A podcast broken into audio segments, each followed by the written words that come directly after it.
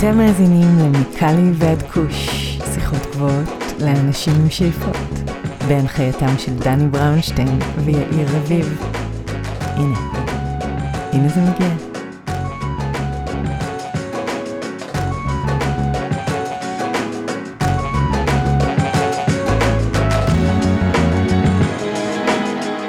אהלן אהלן, מה קורה גבריאל? מעולה, איך אצלך דני? הכל שפיר. היום יש לנו אורח מאוד מעניין בשם יונתן לבנטל, ויונתן הוא הסמנכ"ל ומנהל השיווק של חברת קאנטק בישראל, אחד מהשחקנים היותר משמעותיים שיש לנו פה בשוק הישראלי. ועם יונתן דיברנו גם על התפקיד שלו, על הרקע שלו בעולם המוזיקה, ועל עוד הרבה נושאים מעניינים, אז כדאי לכם אה, להישאר ולהקשיב ליונתן לבנטל. לגמרי. אה, שני דברים, אה, אחד שהוא יהיה רלוונטי תמיד ונמשיך אה, לבקש ולחפור אולי, שזה שתיכנסו ל... לסושיאל מדיה שאתם אוהבים יותר, אם זה פייסבוק, אם זה אינסטגרם, ותעקבו אחרינו, דברו איתנו שם, תכתבו מה בא לכם אה, שנדבר עליו, או אם אה, שמעתם איזשהו פרק ויש לכם הערות, כל מיני דברים שבא לכם לומר, אז זה המקום. והדבר השני, שהוא מאוד מאוד חשוב, ואו-טו-טו הוא נגמר, זה האנציקלופדיה לקנאביס. אה, דיברנו על זה בפרק 60 עם אה, אה, יואב אה, גלעדי. אז הקמפיין אה, לאנציקלופדיה עדיין באוויר ויש לכם הזדמנות באמת אה, הזדמנות פז להיות חלק ממאורע אה, בעיניי עצום בתעשייה אז אה, אל תפספסו תנצלו את זה ובואו נעבור לפרק. אוקיי, מחזק את מה שאמרת, אני הולך ל- לרכוש לי עותק אחרי ההקלטה הזאת, אז אה, בהחלט תמכו באנציקלופדיה לקנאביס, בבקשה. אז קדימה לפרק, זהו יונתן לבנטל. יונתן לבנטל, ערב טוב, בוקר טוב, מה שלומך? אהלן, אהלן, ערב טוב, בוקר טוב, אני לא רע, הכל בסדר. תן לנו אוריינטציה גיאוגרפית, איפה אנחנו מוצאים אותך היום? אני נמצא בפאתי שוק לוינסקי, בואכה תל אביב, אה, ממש כאן. יפה.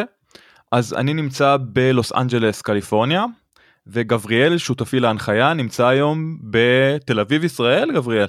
כן הגעתי ממש אה, היום עדיין אה, בבידוד ראשוני אבל אה, תוך 24 שעות אני אהיה מוכן לטייל. Yes. יפה. אז יונתן ברשותך בוא נתחיל מהקל אל הכבד ספר לנו על דרכך המקצועית ואיך בכלל הגעת לתחום הקנאביס. אה, אז האמת שזה סיפור, לא יודע אפילו אם הוא כזה מקרי או שכיח או נדיר, אבל בגדול מוזיקה זה תחום עיסוקי במשך רוב חיי, אה, משהייתי ילד לפני בית ספר עד אה, אחרי הצבא בערך. ניגנתי, אה, חוויתי חינוך מוזיקלי פר אקסלנס מקונסרבטוריון ליסודי, חטיבה, תיכון, ג'אז, כל העניין. אחרי זה הלכתי ללימודי משפטים, כי רציתי למרוד, ובשנה השלישית של לימודי המשפטים שלי קיבלתי איזו הצעה מעניינת מחברי הטוב אה, אלישע בנאי, אה, לבוא ולנהל אה, מסע הופעות שלו בארץ, והיינו שנינו ילדים בתחילת שנות ה-20 שלנו, ועשינו איזה, איזה פרויקט כזה משותף שיצא ממש ממש ממש מגניב. משם התגלגלתי וקיבלתי הצעת עבודה משוקי וייס, ה promoter האגדי, מפיק על, מורי ורבי, ובעצם עזבתי את לימודי משפטים, סוף השנה השלישית שלי, אה, כדי אה, להיות קצת ב rock and roll. אה, התחלתי בלנהל את המחלקה הישראלית שם, עברתי להיות אה, promoter מן המניין, להפיק פרויקטים, אה, ותוך כדי כל הדבר הזה גם לנהל את כל ה marketing של, אה, של כל הפרויקטים של המשרד, אה, רוחבית, אורכית, מייזום פסטיבלים לניהול אמנותי, למשאים ומתנים מול אה, אומנים וחברות ניהול ובוקרים בחו"ל.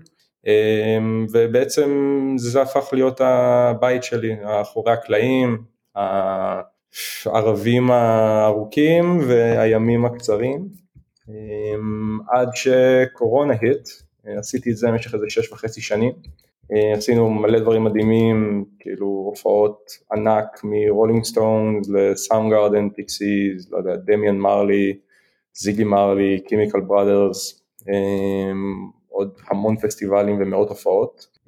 ואז בקורונה כל תעשיית התרבות בעצם נדמה באחת.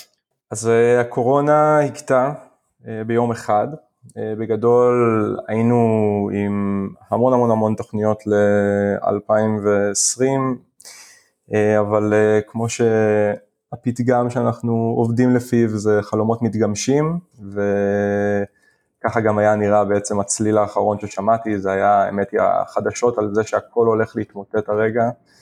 קרה לי בברבי בהופעת יום הולדת של פורטיס, סליחה בהופעת פורים של פורטיס, זה היה בעצם ההופעה האחרונה אה, שהתקיימה רגע לפני שכולם נכנסו לסגרים וכל השנה וחצי שלא צריך לחזור עליה. זה היה האמת זמן די טוב בשביל רגע לעצור ולהירגע אחרי איזה מרוץ פסיכי שהייתי בו איזה קצת יותר מחצי עשור. ואחרי משהו כמו ארבעה חמישה חודשים אה, פתאום כזה כבר מתחיל לגרד לך מלשבת בבית וכאילו לחכות שמשהו יקרה ולעשות איזה גיג פה וגיג שם.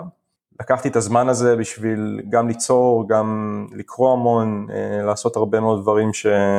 שלא יצא לי לעשות בכמה שנים או בקשב הזה. אה, עד שחברי הטוב, אה, דוד שיסל, שהוא חבר שלי מגיל אפס והוא מתעסק בעולם הקנאביס, הקנאביס הרפואי כבר בסביבות הארבע שנים, הוא עשה את ההתמחות שלו אה, בדיני קנאביס וכתב את, העבודת סמינריון שלו על אה, ההיסטוריה החוקית של הקנאביס ובעצם הוא זה שהכניס אותי לתוך העולם הזה. ובעצם הם, הם קאנטק, אה, שתכף בטח נדבר עליה, הגיע למצב שבו הם חיפשו מישהו כמוני, באתי, נפגשתי איתם וזה הרגיש נכון, וזהו, ומאז אני, אני נמצא בקנטק כבר אה, עשרה, uh, 11 חודשים בתוך התעשייה הזאת, שהיא מרתקת, וזהו. יפה, אז בעצם מה התפקיד שלך בקנטק, ואיך אתה בדיוק מגדיר את התפקיד של, של שיווק בתחום הקנאביס הרפואי? מצד אחד זה מוצר רפואי, מצד, מצד שני יש לו ניחוחות של מוצר פנאי או מוצר תרבותי, מה התפקיד שלך כמנהל שיווק בעצם? אז כמו שאמרת, אני מנהל שיווק, סמנכ"ל שיווק של אה, קאנטק. אמ, אני חושב שבהסתכלות על אמ, הזמנים שאנחנו חווים כיום, שכאילו המילה שיווק ו marketing נהייתה כל כך שגורה בפי כולם, בעיקר בגלל ההתפתחות של social אה, מדיה והנגיעה של, של שיווק בעצם לכולנו, אם פעם היית רק עובר על פני איזה בילבורד, אה, ב highway, או שהיית פותח את המגזין ורואה איזה ad בעיתון, אז היום בעצם אנחנו כולנו חיים בתוך איזשהו, עם אלפי ועשרות אלפי אלמנטים שיווקיים שרודפים אחרינו כל יום. אז שיווק קיבל איזושהי קונוטציה קצת, קצת שלילית, ואני מאוד מאוד יכול להבין למה. אני חושב שההגדרה של שיווק בתוך קנאביס היא פשוט ההגדרה הכי טובה שנמצאה עד היום, כי מה שאנחנו עושים זה לא בדיוק שיווק, מה שנקרא לקוחות או הטארגט אודיאנס הם לא בדיוק לקוחות, זה לא בדיוק קהל, מדובר פה על, על תחום שהוא רפואי עם הרבה מאוד מגבלות בתחום הפרסום, ואנחנו לא מסתכלים על זה באותה צורה שהייתי לצורך העניין מפרסם הופעה או מפרסם שוקולד או משווק אה, אוטו. שיווק זה ההגדרה הכי טובה שמצאנו עד עכשיו, אני פתוח לרעיונות אחרים, אבל בגדול העבודה היא להנגיש את המידע הרלוונטי, לנסות לאפיין תהליכים גם פנימיים בתוך הארגון שלנו, אמ, שקשורים לתרבות ארגונית ושפה ארגונית, אמ, לדעת איך לדלבר מסר אמ, מסוים, איך לשקף מידע ואיך אמ, לדעת לעמוד על איכות של מוצר ואיך לבדוק אותו מכל הכיוונים לפני שאתה משחרר אותו לשוק. בנוסף לשיווק יש, יש תחום שהוא מחקרי לחלוטין, זאת אומרת להסתכל כל הזמן עם עיניים פקוחות על, על הנעשה בשוק, על הטרנדים ש, שכרגע קורים, לנסות לזהות טרנדים לפני שהם קורים. ובגדול להישאר עם היד על הדופק כדי לדעת גם להציף את זה הלאה ובסוף להשפיע על אסטרטגיה של, של החברה.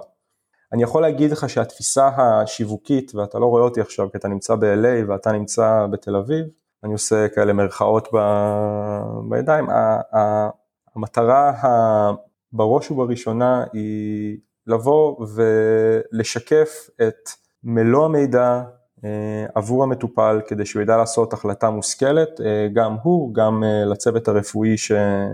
שסובב, ולנסות להשפיע על, ה... על, ה... על, על השיח ועל ההלך רוח בדרכים שבהם אנחנו יודעים לעשות את זה. אני רוצה להקשות טיפה, אם יותר, אנחנו נמצאים באיזושהי תקופה שאחרי ה... הרפורמה בעצם אז uh, יש שינוי מאוד גדול uh, בשוק הקנאביס uh, הרפואי בישראל ואפשר לומר אפשר להתווכח על זה אבל כנראה שרוב המטופלים בעלי הרישיון בישראל היום הם לא המטופלים הקלאסיים שהיו לפני 2019-2018 זאת אומרת החל מהרפורמה אנחנו מכירים את התהליכים שהיו אמ, ובעצם נוצר, אה, נוצרה אפשרות למטופלים לקבל אה, רישיון לקנאביס רפואי בצורה הרבה יותר קלה ונוצר אה, שוק הולך וגדל של מה שנקרא מטופלי פנאי שנראה לי לא צריך להסביר מה זה אומר זה די ברור והפנייה אליהם היא קצת אחרת מאשר פרופר רפואי זאת אומרת מדובר באנשים עם ניסיון בעולם הקנאביס שראו שחוו גם בשוק השחור בישראל כנראה הרבה גם אה, בחוץ לארץ, אה, בקליפורניה, באירופה, בהולנד ואולי גם בספרד, אה, ואלה אנשים שהם דווקא לא כל כך מגיעים מהכיוון הרפואי. אז איך, ה, איך הפנייה בעצם אליהם מהצד שלכם כחברת קנאביס רפואי שגם מייבאת, מייצרת וגם פועלת בעוד כל מיני ספרות של מועדון לקוחות וכולי. אז ככה, דבר ראשון אני, אני מקבל את, ה, את האמירה הזאת של מטופלי פנאי, אני לא יודע אם זה הרוב, אבל בהחלט יש טרנד שאנחנו רואים, טרנד במובן של מגמה, כן. אפשר לראות שלצורך העניין מבעלי הרישיון לקנאביס רפואי לפי הנתונים של משרד הבריאות, אז החל מפברואר אני חושב 21 יש ממש shift במגמה של בעלי רישיון בין גיל 25 עד 45, אמ, לעומת הקהל שבעצם הוביל עד הרגע ההוא, שזה היה גילאי 45 עד 65. אמ, ככה שיש בהחלט איזושהי מגמה של אמ, אנשים יותר צעירים שפונים למקום הזה של קנאביס רפואי, אבל לבוא ולהדביק על זה את העניין הזה של מטופלי פנאי, שאין ספק ש, שיש כאלה, לדעתי היא קצת חוטאת למטרה שלנו בתור חברה של קנאביס רפואי. עד הרגע שלא יהיה שוק פנאי אמיתי בישראל, אנחנו לא באמת נוכל להתייחס אליו ככזה, ואני חושב שברגע שאנחנו מתייחסים אליו ככזה, אז אנחנו, אמ, אנחנו בעצם לא עושים את העבודה שלשמה אנחנו קיימים, אוקיי? אנחנו חברה של קנאביס רפואי, וזאתי הדרך שבה אנחנו צריכים ללכת. אין ספק שידע שמגיע מניסיון של אנשים שהתנסו עם הצמח הזה למטרות פנאי, למטרות אה, מרחיבות תודעה או גם self-medicated, זה עוד חלק בפאזל שמרכיב את, ה, את ההשכלה הקולקטיבית שלנו לגבי לאן הדבר הזה צריך ללכת. ואני חושב שלצורך העניין ביקורת של אנשים שחוו וראו את הדבר הזה מכל העולם, ודרך אגב גם העובדה שיש פודקאסט ש... מתקיים בין שלושה לוקיישנים שונים בעולם עם תפיסה שונה של קנאביס אה, או וויד או, או כאילו כל השמות האחרים. זה, זה רק מראה כמה שבסוף אנחנו, אנחנו גדלים, אנחנו צמחים, אנחנו, אנחנו לומדים מהניסיון של, אה, של מה שאנשים עושים מעבר לים בתרבויות שהן טיפה, טיפה פחות שמרניות, טיפה יותר מתקדמות בתפיסה שלהם של מה, מה היה טאבו וצריך להפוך להיות uh, קצת יותר uh, נורמטיבי או לשקף את, ה, את הנורמה שקיימת במדינה. אני חושב שהקהל הזה של הפנאי בסופו של דבר הוא צרכן, אוקיי? שיכול מאוד להיות שהוא כן uh, נהנה מהסגולות הרפואיות של, הצמח הזה, שזה גם דבר שהוא מאוד מאוד מאוד סובייקטיבי. מבחינת התפיסה של האינדיבידואל לגבי איך הוא רואה את הטיפול שלו בעזרת הקנאביס.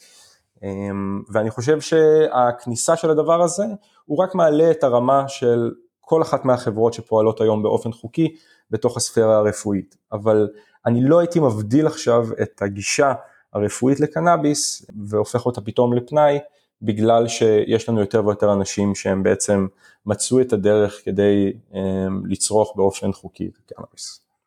תשובה מעולה, ממש תשובה מעולה ולעניין באמת פירקת את זה לגורמים הנושא עצמו מאוד מורכב אנחנו הם מתדיינים עליו רבות גם כמובן לגבי ההבדל לפעמים ההבדל הפילוסופי או התודעתי בין קנאביס רפואי לקנאביס לשימוש פנאי אבל באמת נתת תשובה אה, מאוד פרטנית לגבי איך אתה רואה את הדברים ואני שאפו. אני רוצה שנייה לחזור לחיבור הזה של קנאביס ומוזיקה שוב ולדבר גם אה, או להשוות את העבודה שלך כיום בתעשיית הקנאביס לבין זו שהייתה קשורה למוזיקה. אז בעצם מה היסודות הדומים והשונים שאתה מוצא בין תעשיית המוזיקה לבין תעשיית הקנאביס ובכלל החיבור ההיסטורי והתרבותי ביניהם כבר קיים אלפי שנים מתי גם החיבור העסקי יגיע להערכתך. אני אתחיל בזה שחיבור עסקי בין מוזיקה לבין כל דבר שהוא לא ביטוי אומנותי, הוא בעיקרון לקחת את, ה, את, ה, את התדר הזה, את הוויברציות האלה והמשמעות וה, שאנשים מגלים במוזיקה או באיזושהי דמות שהם מעריצים בעקבות היצירה שלו, או בעקבות משהו שהם שמעו שהצליח להרעיד בהם או לשנות בהם איזשהו משהו, ובעצם למסחר אותו, למסחר אותו זאת אומרת אני יכול לקחת אה, מוזיקאי X או אמ, שחקן Y, אמ, לשים אותו על בילבורד עם איזה משקה אנרגיה ו... ויכול מאוד להיות שזה ימכור לי אותו בתוך הפרס... אתה יודע, לסקטור שאני מעוניין לפנות אליו. אני חושב שקנאביס, וויד, הוא עושה לך משהו ו... ובטח בעולם המוזיקה, כן, אני לא צריך לדבר על זה יותר מדי, זה, זה משהו שהוא מצד אחד מוריד פילטרים, מצד שני הוא, הוא מרים כל מיני פילטרים ש... שאין לנו בחיי היום יום שלנו ומצליח להביא אותנו לאיזשהו מצב תודעתי, חלק לפעמים, אמ, שבהם אנחנו אולי טיפונת עם פחות עקבות ו, ואולי יכולים יותר לזרום עם, ה, עם הביטוי שלנו אה, לכיוונים אה, רחוקים מאשר שהיינו יכולים לעשות אה, מתי שאנחנו במצב תודעתי ניטרלי נקרא לזה. לא כולם, לא תמיד, אה, אני, אני לא חושב שזה משהו שהוא גורף, אבל אני בהחלט חושב שההיסטוריה של וויד ושל מוזיקה אה, היא, היא מקבילה נקרא לזה בתחילת המאה ה-20, לפני זה כמובן היו לזה, היו לזה השפעות כאלה ואחרות, אבל אני חושב שמבחינת תיעוד ושינויים חברתיים גם גדולים שקרו בעולם, אמ, אז וויד ריפר קיבל את, ה, את המקום המרכזי שלו, כזה early 20's, אה, אמריקה, התפתחות של הרבה מהמוזיקה שבעצם הניחה את אבני היסוד של המוזיקה שאנחנו שומעים היום. אמ, באזורי ה-R&B וה, והסול והזה, אני מדבר על כל ניו אורלינס, אה, דיקסי, התחלה של הבלוז, אה, ובעצם איזשהו סטריאוטיפ שגם נדבק אה, לאפרו-אמריקאים בדרום ארה"ב ובמזרח ארה"ב בערי נמל, שבעצם השתמשו בוויג ועשו את המוזיקה שלהם. עכשיו זה היה, סטיתי לחלוטין מהשאלה. זה החיבור ההיסטורי בעיניי. החיבור התרבותי, לפורטיס יש, יש משפט שאני מאוד מאוד אוהב, שהוא כאילו אומר, אמ, הוא תמיד בהופעה, הוא כזה פונה לצדדים של הקהל, והוא אומר, אמ, עכשיו בואו כולם נמחא כפיים לצדדים, אוקיי? כי אם, הצדד, כי אם לא היו את הצדדים, אז המרכז היה נשפך הצידה. ו... ואני חושב שזה משפט מאוד מאוד נכון גם בהקשר הזה, אוקיי? מוזיקה, כמו הרבה דברים אחרים, מתחילה בסוף בתור איזושהי תרבות נישה, שוליים, משהו איזוטרי, משהו שלא הרבה אנשים מכירים אותו, ולאט לאט um, הוא עושה דרכו אל תוך מיינסטרים, uh, ולפעמים הוא נשאר בשוליים האלה. Uh, השוליים האלה הם חשובים להתפתחות של המיינסטרים, בדיוק כמו שמאבקים פוליטיים uh, לשחרור הצמח ב... בדור של הבומרים והדור של, של, של לא יודע, ה-90's בישראל אחרי אינתיפאדות, התחיל לעשות את אותו דבר, לאט לאט אתה אומר את אותו דבר במשך שנים, אה, והוא לאט לאט הופך להיות אה, יותר ויותר מיינסטרים. אני חושב שאם אנחנו רוצים לדבר על חיבור היסטורי תרבותי הכי גדול בעולם, ה... בעולם הקנאביס, אנחנו צריכים לדבר על הגנג'ה ועל כאילו, על העובדה שאי קטן אה, בשם ג'מייקה עם אוכלוסייה שהיא פחות מאוכלוסיית ישראל, השפיע במפץ תרבותי חסר תקדים לדעתי, ויכול להיות שאתם יכולים לתקן אותי, על תרבות עולמית. אוקיי? כאילו, והשגריר שלהם, או המרקטר שלהם נקרא לזה, היה, היה מן הסתם בוב מרלי.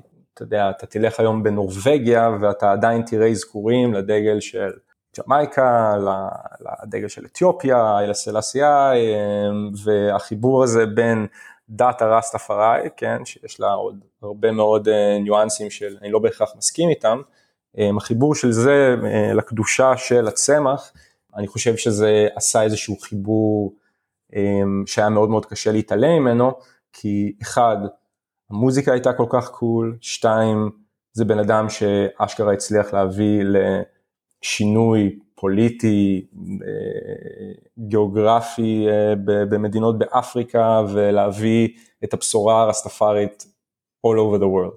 אני חושב שכדי לעשות מוזיקה, וויד זה אחלה של דרך כדי נקרא לזה לשמן את התאים האפורים שלנו ובשביל בשביל וויד זה תמיד תמיד טוב שיש לך מוזיקה ברקע.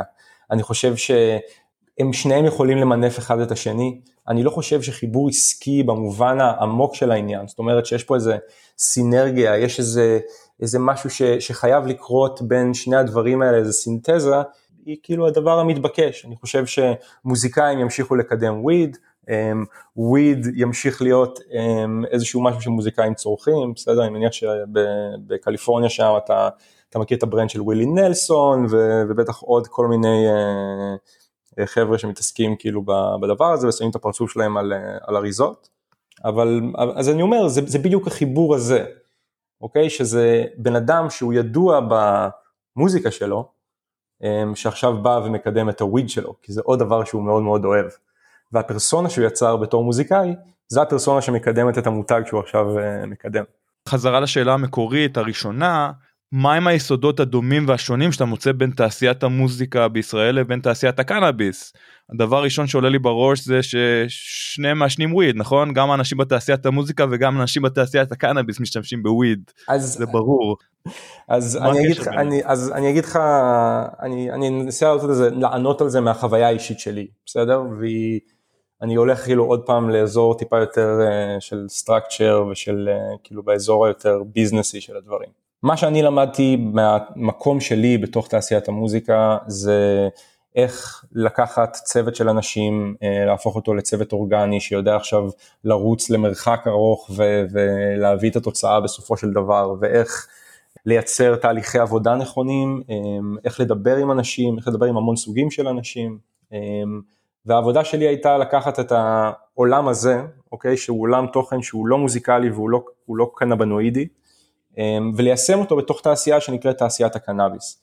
עכשיו, בסוף העבודה של אמ, איש בתעשיית המוזיקה, ואני לא מדבר דווקא על המוזיקאים עצמם, הוא למצוא את האוזן הנכונה אמ, בשביל האומן הנכון, ולדעת להנגיש אותו בצורה הכי טובה שיש. זה לא למכור למישהו משהו שהוא לא צריך, זה לא למכור למישהו משהו שהוא לא רוצה, זה לא לעטוף משהו שהוא לא טוב באריזה שהיא כן טובה, אלא זה לבוא, להשמיע למישהו משהו, אם הוא אוהב את זה, אני מוכן לספק לו חוויה של שעה וחצי, ואלה שני דברים שהם מאוד מאוד דומים. האינטגריטי תמיד היה חשוב לנו במה שעשינו במוזיקה, זאת אומרת, לבחור באמת באמת באמת את ההופעה שאנחנו יודעים שהיא טובה וללכת לראות אותה קודם בחו"ל כדי לדעת מה אנחנו מביאים לקהל הישראלי וזה קצת דומה למה שאנחנו עושים בקנטק היום in a way. יפה. קנטק היא חברה שונה בזירת הקנאביס הישראלית. תוכל לאפיין את הייחודיות של החברה מבחינת האנשים שעובדים בה, קהל היעד שלה ומה שהיא רוצה לעשות אחרת?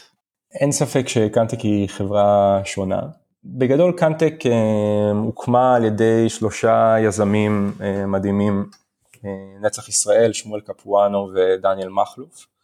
שלושתם אנשים מאמינים, שלא כמוני דרך אגב, שניים מהם חוזרים בתשובה, אחד מהם הוא בכלל יליד ארה"ב, אחד יליד בני ברק, ובעצם כשאני נכנסתי לתוך החברה הזאת זה היה, it was כאילו intimidating באיזשהו מקום, כי הנגיעה שלי לדעת מעבר לזה שמאוד מעניין אותי מה כאילו בצורה תרבותית אה, מה איך דת משפיעה עלינו בתור, אה, בתור מדינה לכל אחד באינדיבידואל שלו. באתי עם המון המון סטריאוטיפים והם הצליחו ממש לפרק אותם אחד אחרי השני. כרגע בחברה, אנחנו מדובר על אחת החברות ההטרוגניות ביותר שיצא לי לראות, אפילו יותר משהייתי במוזיקה. זה אנשים מכל קצוות הארץ, אה, ויש לומר העולם, רקעים סופר מגוונים, חילונים, דתיים, אה, ערבים, יהודים, הכל מכל בכל, וכולם פשוט מגיעים עם איזושהי פילוסופית חיים שגם באיזשהו מקום אה, מגיעה מהיזמים שהקימו את החברה הזאת, שבסוף אנחנו באים לעשות משהו שאמור לעשות איזשהו שינוי חיובי בעולם, בחברה שלנו, אה, לאנשים שזקוקים לזה. המטרות של החברה הן גרנדיוזיות כי זה יעל לאנשים שמחוברים לאמונה ויש להם באמת את, ה, את הכוח ואת הדרייב לבוא ולדחוף אה, איזה פרויקט כל כך גדול קדימה, אבל המטרה היא הייתה והיא נשארה טוב.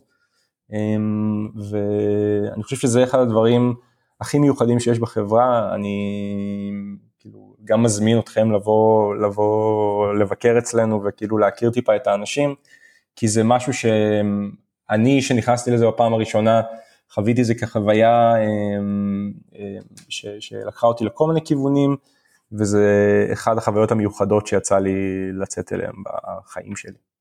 החברה היא קצת הוליסטית אם תוכל קצת אה, לספר מה מה המבנה של החברה. זאת אומרת מעבר לזה שהיא כמו שאמרנו יצרנית אה, של יצרנית אפשר לומר אה, מגדלת אה, קנאביס או עתידה לעשות את זה וגם מייבאת אבל לצד זה יש עוד צדדים של אה, של המועדון לקוחות שהזכרתי מקודם אה, וגם אה, איזה שאיפה של אה, בית מרקחת זה בעצם אמור לענות על כל, ה, על כל האספקטים של, ה, של מטופל קנאביס רפואי. תוכל קצת uh, לעשות לנו סדר מה יש בחברה ואיך זה עובד אחד עם השני?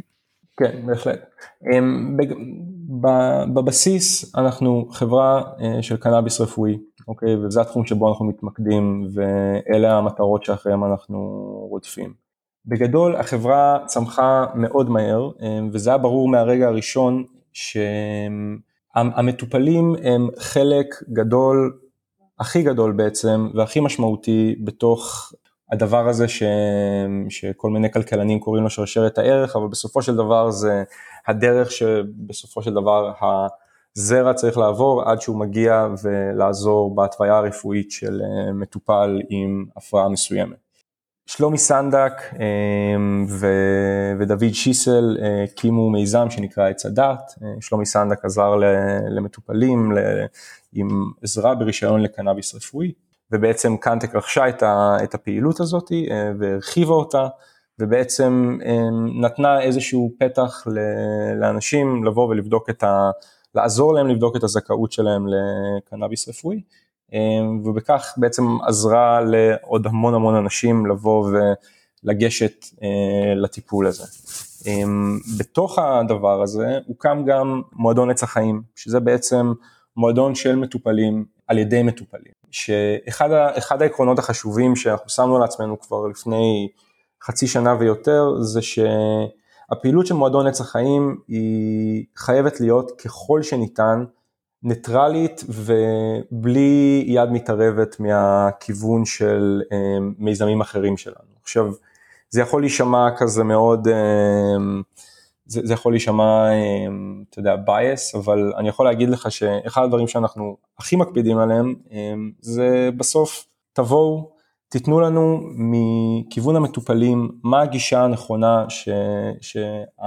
חברות צריכות ללכת ואנחנו נכללים מתוך החברות האלה שמבוקרות בתוך המועדון הזה ומתארחות בתוך המועדון הזה, אבל חשוב לנו שהניהול יהיה כמה שיותר עצמאי, שזה באמת ירגיש כמו בית של מטופלים ובקרוב אנחנו נחנוך גם את בית המועדון אה, שיהפוך להיות בית פיזי ממשי אה, למטופלים. וזה בעצם המקום שבו אנחנו יכולים להיות קשובים, אה, לדעת איפה אנחנו עושים טעויות, איפה אנחנו צודקים, אמ, לאותת לחברות אחרות איפה הן עושות טעויות, מתוך הקהל של המטופלים. לעבוד יד ביד עם המטופלים בתוך התחום של הקנאביס הרפואי, אני חושב שזה must. הניכור שיש בין חברות לבין מטופלים מסוימים, זה ניכור שלדעתי הוא, הוא מוטעה, אני חושב שזה מגיע מאולי חוסר הבנה או חוסר רצון לקבל איזה לפעמים פידבקים מסוימים, לפעמים הם, הם, מילים קשות, אבל בסוף המטרה שלנו והאחריות שלנו היא להקשיב לכל מי שיש לו מה להגיד ולנסות ליישם כמה שיותר טוב, כי בסוף זה שוק שהוא צעיר, הוא עדיין צומח, הוא עדיין גדל, הוא הולך ומשתפר, ואנחנו חייבים להיות קשובים כל הזמן על מנת להיות יותר טובים. אפרופו שוק צעיר, השוק בישראל עובר שנים מאוד אינטנסיביות אה, שצבועים בהם הרבה מיזוגים וסביר להניח שחלק מהחברות ייעלמו, ייבלעו או יימחקו כליל. איפה להערכתך קאנטק מתכננת להיות עוד חמש שנים היום? דבר ראשון קאנטק היא כאן כדי להישאר. אה, זה בהחלט הרוח של בעלי החברה והיזמים אה, וזה הרוח שמנשבת גם במשרדים שלנו. אה, אני חושב שעם הדריסת רגל שלנו באירופה, אה, יש לנו חברה בשם קאנטק אה, GmbH שמתעסקת בהפצה של קנאביס רפואי בגרמניה כרגע, למעל 500 בתי מרקחת.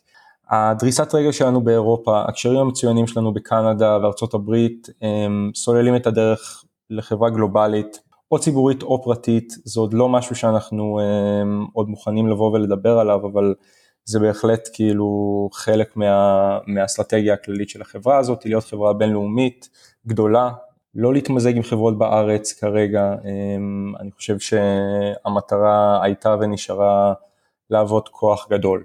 יפה, אז ברשותך אני רוצה לעבור לכמה שאלות אישיות. Mm-hmm. מה זה קנאביס עבורך? קנאביס עבורי זה וויד, אני חושב ש... יכול להיות שזה יישמע קצת מפתיע, אבל אני חושב שבסופו של דבר מדובר על צמח. צמח שהצליח לעשות הרבה מאוד um, בלגן לאורך ההיסטוריה, מבלגן פוליטי לחברתי, לסטריאוטיפים שהודבקו על כל מיני אוכלוסיות שהיו מודרות או לא מודרות מתוך כל מיני, uh, מסיבות כאלה ואחרות, אבל בסופו של דבר זה צמח. יש לו את היכולות שלו, שגם לא צריך להפריז ב, ב, ביכולת שלו ל, ל, לרפא כל דבר, או להפיג כל כאב, או להיות, אה, להיות איזשהו טיפול קבוע שיכול אה, ל, ל, לפתור את רוב הבעיות בעולם. אני לא מאמין בזה, אני חושב שככל שאנחנו נרחיק את הידיים שלנו, ואני אומר שלנו, גם באזורים הרפואיים, זה יקרה, אבל זה יקרה בטווח של 10, 15 ו-20 שנה, כך יהיה לנו יותר טוב. בסופו של דבר זה צמח, וצמח זה משהו שנוצר עבורנו, וזה משהו שמותר לכל אחד לגדל אותו ולצרוך אותו בצורה שהיא לא תפגע בו והיא לא תפגע בסובבים לו, וככל שאנחנו נהפוך אותו לפחות שנוי ממחלוקת, ככה אמ, יהיה לנו יותר טוב בעולם הזה.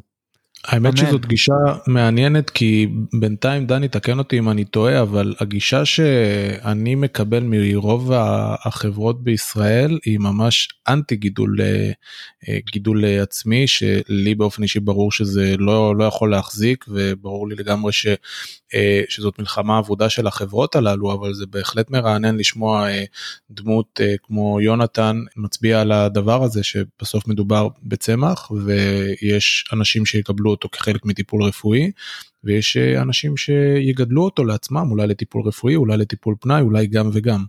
לגמרי. לגמרי. וכמובן כל אני חושב שבכל חברה יש גם uh, ריבוי של דעות שכמובן השאלה אם אתה שואל את המנכ"ל או את מנהל הייצור מול uh, אותו מגדל שמגדל בפועל את הצמח uh, וקשור אליו uh, ברמה הפיזית מה שנקרא. כמובן אנחנו מכבדים את כל הדעות אנחנו כמובן תמיד מצהירים שגידול ביתי זה אה, זכות בסיסית, אה, כמו שאתה אמרת גם יונתן, אבל אה, אני לא חושב שרוב החברות נגד גידול ביתי בהכרח. אז אילו שחקנים ישראלים בשוק הקנאביס אתה מעריך ומדוע? אפרופו שחקנים אחרים בשוק. יפה. אז דבר ראשון, אם, אם התחלת עם, עם, IMC, אז אני, אני אתן איזה מילה טובה ל-IMC, שאני מאוד אהבתי את, ה, את, ה, את זה שמתחילים להדביק עכשיו פלייליסט לכל, לכל מוצר, אני חושב שגם למוזיקה יש יכולות תרפיוטיות, אני חושב שזה אחלה של, אחלה של גישה. אם אנחנו מדברים רגע בצורה טיפה יותר רצינית ומקצועית, אז היא לא בדיוק חברה ישראלית, אבל היא חברה שהיא כבר כאילו עם, אה, עם ביסוס ישראלי רציני, אני חושב שפיס נטורלס אה, בשוק הרפואי מביאים את אחד המוצרים האיכותיים והיציבים עם המעטפת הכי מקצועית אה, שאפשר לראות בנוף שלנו, ואני חושב שכל חברה כזאת שעושה ומראה לאיזשהו רף שאפשר להגיע אליו, היא רק משפרת את השוק שלנו. בגלל שזה שוק קטן ומאוד מאוד מאוד אה, רגיש גם לטובים וגם לרעים. יפה וסחטיין על הפרגון של המתחרים, לגמרי לא מובן מאליו. לא, אני אומר כאילו, אני, אני מדבר פה בתור יונתן לבנטל, כן, זה ברור, אני פועל מתוך חברה, לא, לא, אבל אנחנו בחברה אבל... פלורליסטית לחלוטין, זה בסדר כאילו, אתה יודע, בסוף... אני אוהב את היושר שלך, ושיש לי מנהל שיווק שמדבר לעניין, ולא חרטא מדף מסרים, אז שומעים את זה ברעיון, אז טוב שיש לך דעות משלך, אתה לא צריך, אתה לא שופר של אף אחד. יאמן. אתה עובד של חברה, אתה דיברת אני חושב מספיק דברים טובים ונהדרים על החברה שלך, זה בסדר לפרגן. ואני מציע גם לאחרים שמאזינים לנו, אם זה מהתעשייה או אם זה מחוצה לה, פרגנו קצת, גם אם זה למתחרה שלכם, פרגנו, זה לא עולה לכם כסף וזה אה, רק אה, ישתלם לכם בעתיד. לגמרי, good vibrations תמיד, אה, תמיד זה טוב. אני אומר שהמתחרים שלכם הופכים אתכם ליותר טובים. לגמרי. אז אילו סגמנטים או קטגוריות אחרות בתעשיית הקנאביס מרגשות אותך? אז האמת היא, אני חושב שיש איזה, אנחנו נמצאים בשני critical points אמ, שיכולים אה, בהחלט אה, כאילו גם להשלים אחד את השני ובתחום של קנאביס אני חושב שזה משהו שאנחנו נראה יותר ויותר, במקומות מסוימים זה מפותח יותר. Sustainable living, אה, אני חושב שקנאביס, המפ, כל המוצרים שאנחנו יכולים לייצר מה, מהצמח הזה בצורה ירוקה זה אחד הדברים שיתפסו הכי הרבה תאוצה. יותר מהחומרים הפעילים שאפשר להפיק מהם. אמ, אנחנו יכולים לדבר על green energy, אנחנו יכולים לדבר על אה, תעשיות של בדים ואני בטוח שברגע שהמדע יתלבש על, והוא כבר יתלבש על אה, איך אנחנו מייצרים יותר אה, מוצרים אקולוגיים, זה יעזור לכולנו.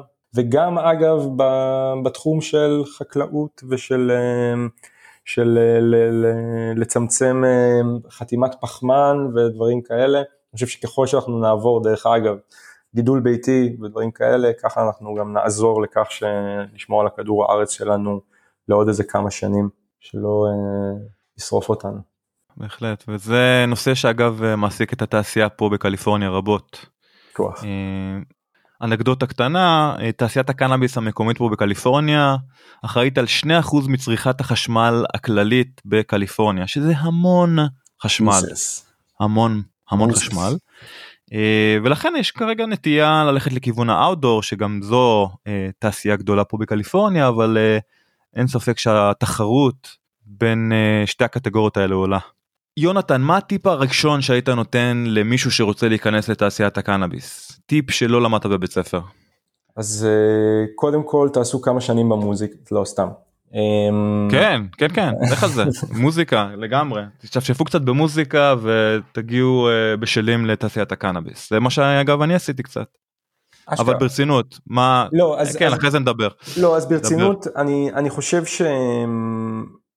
אני חושב שהתעשייה הזאת או לפחות תעשיית הקנאביס הישראלית כן אני לא אני לא יודע לדבר על, אה, על הדברים שאתם רואים שם אני חושב שיש מקום לאנשים שמגיעים מרקע מסוים בחקלאות, אני חושב שיש מקום לאנשים שמגיעים מרקע מסוים בטק, אני חושב שיש הרבה מאוד תחומים מחקריים שמאוד מאוד שווה להגיע מהם, אבל בסופו של דבר צריך לרצות להגיע לפחות לתחום הקנאביס הרפואי עם רצון טוב לעשות טוב. תבואו כדי לשנות דברים שאתם חושבים שצריכים לשנות, אה, תבואו כדי לשמר דברים שצריכים לשמר, ותמיד טוב להכיר את הבן אדם הנכון, וזה לא בושה לשלוח את הקורות חיים שלכם למקום שאתם רוצים, או להמציא תפקיד שאתם חושבים שאיזה חברה צריכה, אמ, והעולם מעריך אנשים שבאים ודוחפים, אז אני בהחלט ממליץ אה, לנסות את מזלכם. אז איך לדעתך ייראה שוק הקנאביס הישראלי בעוד חמש שנים מהיום? ואם אתה היית מקבל מנדט מלא לקבוע איך תהיה לגליזציה של קנאביס למטרות פנאי, מה היו העקרונות העיקריים שהיית קובע? תראו, אין ספק שכאילו כרגע כשמסתכלים על, על השוק הישראלי, אין מקום לכל החברות שכרגע פועלות, אנחנו נמצאים עכשיו באיזה, יש איזה, אולי טיפונת after the gold rush, אם אנחנו כבר ברפרורים, אמ, אבל כרגע יש רוויה גדולה של כמות חברות בשוק הקנאביס הישראלי, אני חושב שעוד חמש שנים אנחנו עדיין נהיה בשלב של מיזוגים, אבל לקראת הסוף שלו, אני חושב שיהיו, לא יודע, בין 8 ל-10 חברות שבסוף יהפכו להיות איזה 4-5 חברות גדולות של קנאביס רפואי, שבאמת יוכלו לספק מוצר שהוא איכותי ויציב. המחקר הישראלי... רגע, רגע, רגע, רגע, תן לי כן. לעצור אותך שנייה. אז אתה טוען בעצם שעוד חמש שנים יהיו רק 8 עד 10 חברות קנאביס רפואי ולא יהיה קנאביס לשימוש פנאי בישראל? לא, מה פתאום, אני, מדבר, אני, אני מחלק את התשובה שלי לשניים. אוקיי, אוקיי. דבר ראשון, תהיה לגיליזציה עוד חמש שנים, נקודה, בסדר? אם לא, אז אנחנו צריכים להסתכל טוב טוב אה, פנימה כדי להבין איך הדבר הזה קרה, אוקיי? אני רוצה להאמין שקיפאון פוליטי לא ימשיך לעוד חמש שנים, שוב, אני מאחל את זה לנו, אבל בסוף אה, חוק וחקיקה זה משהו שהוא מראה של הנורמה והתרבות שבה אנחנו נמצאים, אין ספק שמבחינה נורמטיבית אנחנו כבר שם, עכשיו זה רק עניין פרוצדורלי אמ, וגם פרוצדורה, גם בתהליכים בירוקרטיים ארוכים, בסוף זה יקרה, בסדר? אנחנו כבר שם, אנחנו פשוט עדיין לא שם. אז... אז זהו, אתם לא שם, זה בדיוק העניין, זה כבר כאילו שנה, שנתיים לא ממשיך ליפול בכנסת, לא משנה אם זה מניעים פוליטיים או מניעים כאלה ואחרים, אבל בפועל זה לא עובר, אז אוקיי חמש שנים זה יעבור אבל יכול להיות שעוד שנה שנתיים זה יעבור כבר או שאנחנו צריכים כן, לחכות חמש שנים. שכן. לא אני מאמין שכן אני מאמין שהצעדים הראשונים לקראת שוק פנאי והם יתחילו לקרוא לזה באי הפללה ו... והתחלה של לגליזציה בסוף ייקח עוד לפחות חצי עשור עד, ש... עד שהשוק הזה יהיה במצב של דה-רגולציה וכאילו רגע הפנמה של המצב וכאילו איזשהו נקרא לזה אקלים אה, חברתי מספיק, אה, מספיק עמוק בשביל שיהיה אפשר אה, להוריד את הידיים לחלוטין מ, מ, מה, מהקנאביס, אה, אבל זה אנחנו לא נראה עדיין בעשר לדעתי או חמש עשרה שנים הבאות. עוד חמש שנים אנחנו בהחלט נראה פה שוק פנאי, אם אני הייתי צריך לשרטט את, ה, את הקווים שלו אז הייתי מסתכל על איזה, על איזה מודל, מודל קנדי ניחוח ים תיכוני, אבל בגדול התרת שימוש מגיל 18 ומעלה, עם איסור וואלה? על שימוש. 18 כן? ומעלה? כולל חיילים? 18 ומעלה. ש... כולל חיילים בחופשה? חיילים, כולל חיילים בחופשה. אמ, וואלה, אוקיי. זאתי דעתי, כן? מעניין, אוקיי. אני חושב לא, לא. שאם. חייל, חייל יכול uh, לשתות אלכוהול, uh, ואם הוא יכול להשתמש ברובה שהוא לא שותה אלכוהול, אז אני לא רואה סיבה שהוא לא יוכל uh, להשתמש בקנאביס. החזקה עד כמה עשרות גרמים, אין לי, אין לי איזה מספר אה, זה, אבל איזשהו סטנדרט, משהו שהוא לא יהיה כזה שאתה יודע, נקרא לזה, אני אפילו לא יודע מה, מה, מה הסיבה העיקרית להגבלה של אה, נסיעה של כמות, אבל נקרא לזה 30 גרם, אה, התרה חד משמעית של גידול ביתי, אני חושב שפתיחה של חנויות, עם צריכה במקום, אני חושב ש... מה עם מיצויים ואכילים? כן, לא? כן, עם תקנים, ושוב פעם, אז אנחנו נכנסים לעולם הזה של, אה, של תקינה, אני חושב שמתי שאתה מאבד, ככל שאתה מאבד איזשהו מוצר יותר, ככה נדרש עליו יותר פיקוח, אה, כי יש אה, יותר דברים שאתה יכול להרוס בדרך, ולסכן בסוף את, ה, את האנשים שמשתמשים בזה, אז כמו שתעשייה כמו אלכוהול, היא עומדת בתקנים מסוימים, ומדי פעם אנחנו גם לצערנו רואים ריקולים של אה, אלכוהול מזויף שגורם לאנשים אה, לדברים שלא נדע, אז אה, אני חושב, ש... אני חושב שגם פה יהיה צריך להיות פיקוח מסוים עד שזה יהיה איזשהו סטנדרט מסוים שכבר נוכל לבוא ולהגיד אורייט, כאילו אנחנו יודעים כבר מה הסטנדרט, אף אחד לא יקנה את הדברים הנחותים שעושים את זה לא טוב ויש מספיק מסה קריטית בשביל להבין שיש פה איזה מוצר שהוא מספיק איכותי כדי שיהיה אפשר לצרוך אותו בצורה נרחבת. אמ, אני חושב שהקנאביס הרפואי יעבור כן לסבסוד מסוים על ידי קופות החולים, אני חושב שהמחקר בקנאביס הרפואי, ברגע שקופות החולים ייכנסו לתוך העולם הזה והן כבר מתחילות להיכנס לתוך העולם הזה, אמ, הוא יהפוך להיות הרבה יותר דומיננטי. כן מאמין בתעשייה הביוטכנולוגית בישראל, שתדע לפתח אה, זנים יותר יציבים, תוצרת ישראל, ש...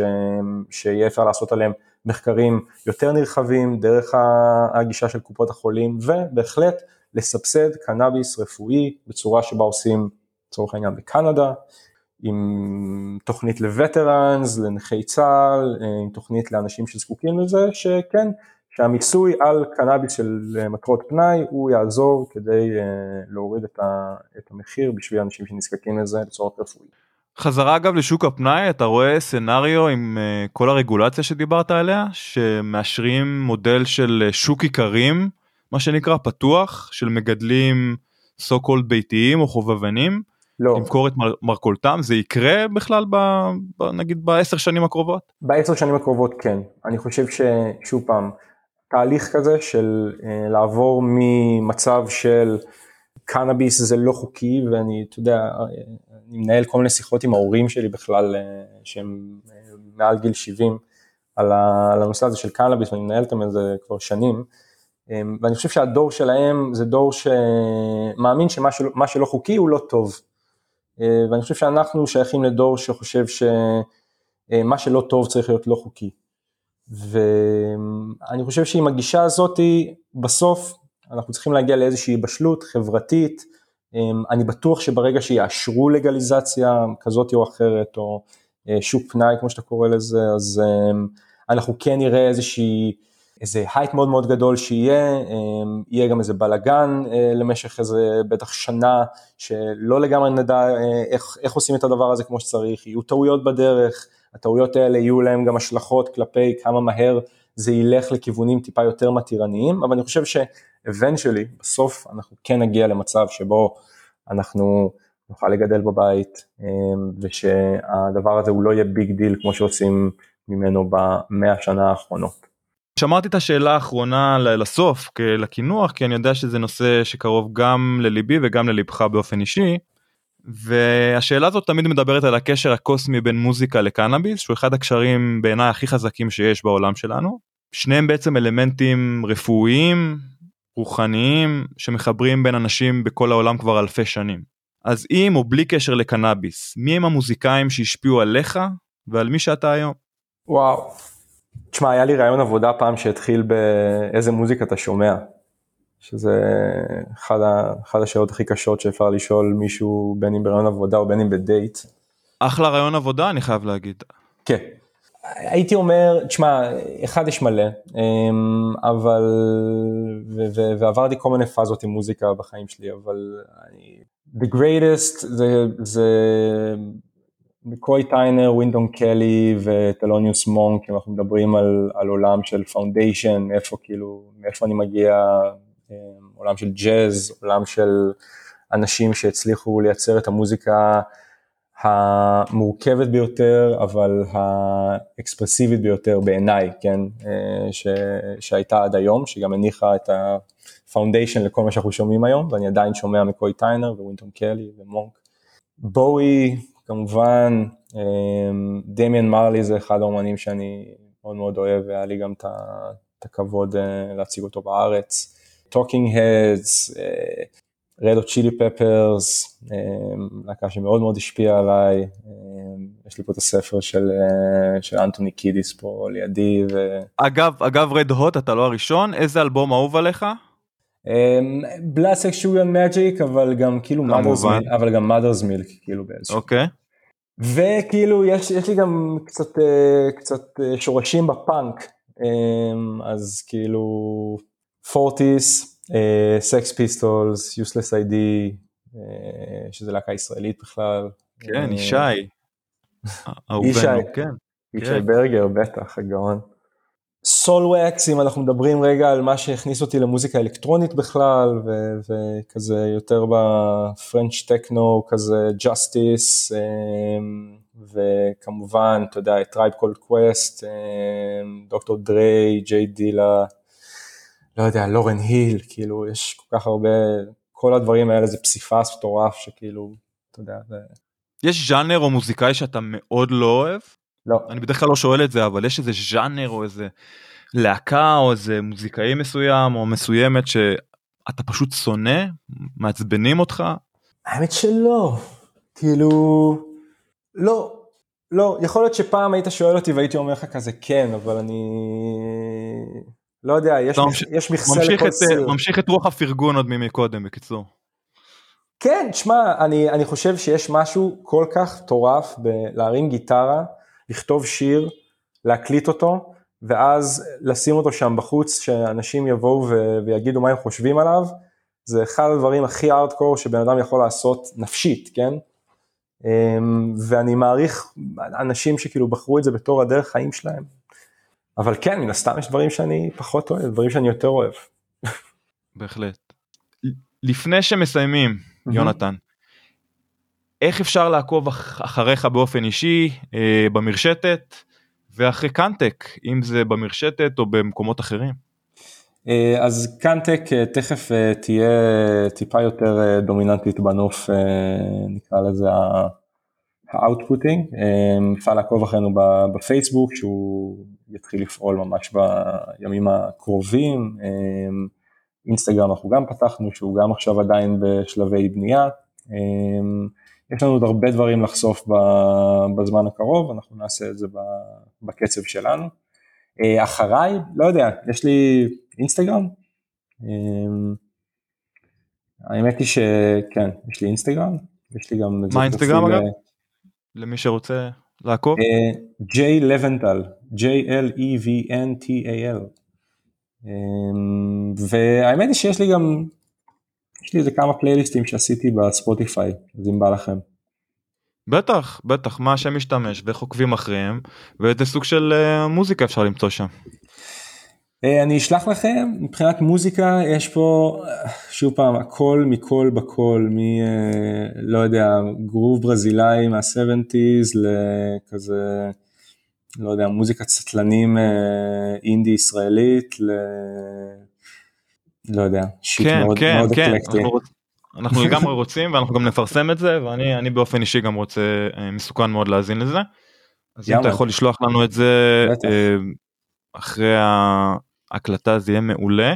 תודה רבה רבה שבאת לתוכנית שלנו היום. Yeah. ובאמת נמשיך, אה, נאחל לך קודם כל המשך הצלחה עם קאנטק ובכל אה, מה שתבחר בעתיד. ומקווה מאוד שדרכנו יצטלבו בעתיד בכל אה, מה שקשור בצומת המרגשת הזאת של קנאביס ומוזיקה. יס, אמן. גבריאל, מילים אחרונות? היה ממש ממש כיף, תודה רבה יונתן אה, על הפתיחות ועל ה-good vibrations שבאמת אה, אה, להרגשתי אה, מרעננות את, ה, את התעשייה הישראלית אה, בתחום הקנאביס ו, וכן תמשיך אה, בכיוונים האלה אני בטוח שזה יוביל את, אה, את החברה וגם אותך למקומות הנכונים. יס, yes, מלכים, תודה לכם. אוקיי, okay, אז זה היה יונתן לבנטל. מה אתה אומר גבריאל? באמת חושב שזה היה אה, נורא נורא מעניין לשמוע קודם כל על חברה שהיא אה, מיוחדת כמו שאמרנו עוד לפני שהפרק התחיל שהיא יחסית אה, אוחזת בגישה שונה וליונתן יש פשוט גישה מאוד מאוד מרעננת בעיניי על ההסתכלות של שיווק בתוך עולם הקנאביס ועל עולם הקנאביס בכלל. אני חושב שיונתן הוא לגמרי האורחים הכי אחד האורחים הכי מוצלחים שהיה לנו בתוכנית לאחרונה. מאוד מאוד התחברתי לתשובה שלו על ההבדלים ונקודות ההשקה של קנאביס רפואי מול קנאביס לשימוש פנאי. ממליץ למאזינים שלנו להריץ את התשובה הזאת שוב ושוב ב repeat ולהבין קצת לעומק את הדברים ולהבין את שני העולמות שהם נפרדים מצד אחד אך קשורים גם מצד שני. אז אה, מאוד התחברתי לזה וכמובן הצד השני של השיחה אה, אני מרגיש סוג של אה, כאילו מצאתי את האח התאום האבוד שלי או, או, או איזה חבר אה, מוכר כי באמת לי וליונתן מרגיש שיש את בעצם רקע מאוד דומה תשוקה למוזיקה רקע בתעשיית המוזיקה כמובן הקשר הזה ההיסטורי התרבותי ועכשיו בקרוב גם העסקי בין עולם המוזיקה לעולם הקנאביס. ואני חושב שיש הרבה מאוד נקודות השקה שדיברנו עליהן בפרק ונמשיך לדבר עליהן גם בעתיד. עכשיו לגבי מוזיקה אני מסכים שהיסטורית קנאביס מזוהה יותר עם מוזיקה שחורה לדורותיה מג'אז אה, משנות ה-20 של המאה הקודמת עד היפ-הופ של היום והזכרת רגעי גם רגעי יש הקשר תרבותי חזק מאוד לג'מייקה לתרבות הרסטפארי אה, וגם אה, להקשר ההיסטורי של אותה תרבות עם צמח הקנאביס. ושוב, מי שרוצה לקשר בין מוזיקה שחורה לקנאביס ברור שיש קשר אבל לא צריך להגביל את עצמנו בפריזמה היחסית צרה הזאת של מוזיקה שחורה אלא באמת ללכת עם, ה, עם מה שאנחנו אוהבים.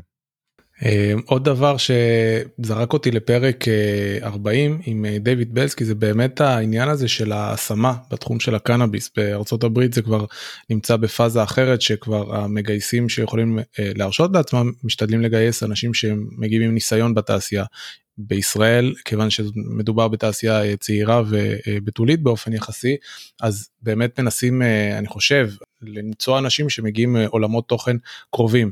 יש אה, גם שחקנים בשוק אה, שלא עושים את זה ומביאים אה, אנשים חסרי ניסיון לחלוטין אבל באמת יונתן הוא דוגמה מאוד טובה ושמענו את זה לאורך כל הפרק של הבנה עמוקה של, של תרבות סביב דברים שהם, שהם מאוד מאוד שונים אחד מהשני זאת אומרת בחברה הפקות כמו של שוקי וייס אתה עובד עם מנעד די רחב של לקוחות נקרא לזה של צרכני של צרכני קצה. אה, וכך גם בקנאביס אה, זאת אומרת בקנטק אה, נראה שהם עושים המון המון תוכן דיברנו על זה קצת והוא פונה לכל מיני אנשים והם עושים עבודה באמת טובה ושאפו על זה ושאפו גדול ליונתן שהוא באמת מביא את הניסיון שהוא צבר בעולם אחר ומצליח ליישם אותו במקום שדומה אבל עדיין זה מאתגר לעשות את הטרנזישן הזה. לגמרי ולכל המאזינים שלנו שעדיין לא נמצאים בתעשיית הקנאביס אבל חולמים על הרגע הזה וכרגע נמצאים בתעשייה אחרת אם זה הייטק או מוזיקה אין שום מניעה שתמנע מבעדכם להצטרף לתעשייה הזאת. כל עוד אתם רוצים א', רוצים אבל רצון עמוק ואמיתי, ודבר שני, אתם צריכים שיהיה לכם כישרון כלשהו שחסר בתעשייה שלנו. הזכרת את דויד בלסקי ושוק הכוח האדם שמתפתח פה, גם בפרק הקודם שראיינו את דני דיימונד of Flowers, עוד דוגמה לבחור, יזם, ללא ניסיון בתעשיית הקנאביס, שהביא איתו משהו מאוד גדול והלביש אותו לתעשייה הזאת, תעשיית הקנאביס. לגמרי. המון ואקום בהמון המון תחומים. אה, אני אישית מאמין יותר בתחומים שנמצאים ליד הפרח לא ההנדס און זאת אומרת בהנדס און יש כבר די אה, רוויה אבל יש כל כך הרבה תחומים שהזמן אה, לא יאפשר לנו למנות אבל באמת יש כל כך הרבה. אני חושב שהתחום שאתה עוסק בו תחום האירוח או, או תחום הבילויים או האירועים הוא תחום מרתק. יש לו עוד כברת דרך לעשות ומי שיש לו ניסיון בתחום או חושב שהוא יכול לעשות איזשהו שינוי אני חושב שזה ממש ממש הזדמנות מעולה וגם זאת אומרת לא בשביל הגרידיות אבל כן זאת תעשייה עם פוטנציאל עסקי יוצא דופן של אולי פעם במאה יש הזדמנות כזאת והיא עדיין נמצאת בהישג ידם של רבים ואני כבר משתדל להפסיק עם זה כי כבר אני מרגיש שאני. ממש אה, אוכל את הראש לחברים אבל קצת הפכתי למיסיונר בעניין של אה, לחפש עוד ועוד תעשיות. כאילו חבר שנמצא בתחום של אה, ראיית חשבון אז אני אומר לו תשמע יש חוסר במישהו שיודע לטפל במספרים של חברות או מישהו שעושה משהו שקשור ל billing אז כן גם dispensaries צריכים איזושהי מערכת billing מיוחדת וכהנה וכהנה. אז באמת האפשרויות מאוד מאוד גדולות. ואם אתם חושבים על שינוי בהחלט אה, שווה לשקול את זה ונראה לי שעד כאן אה, קריאתנו להצטרפותכם לתעשייה לא דני?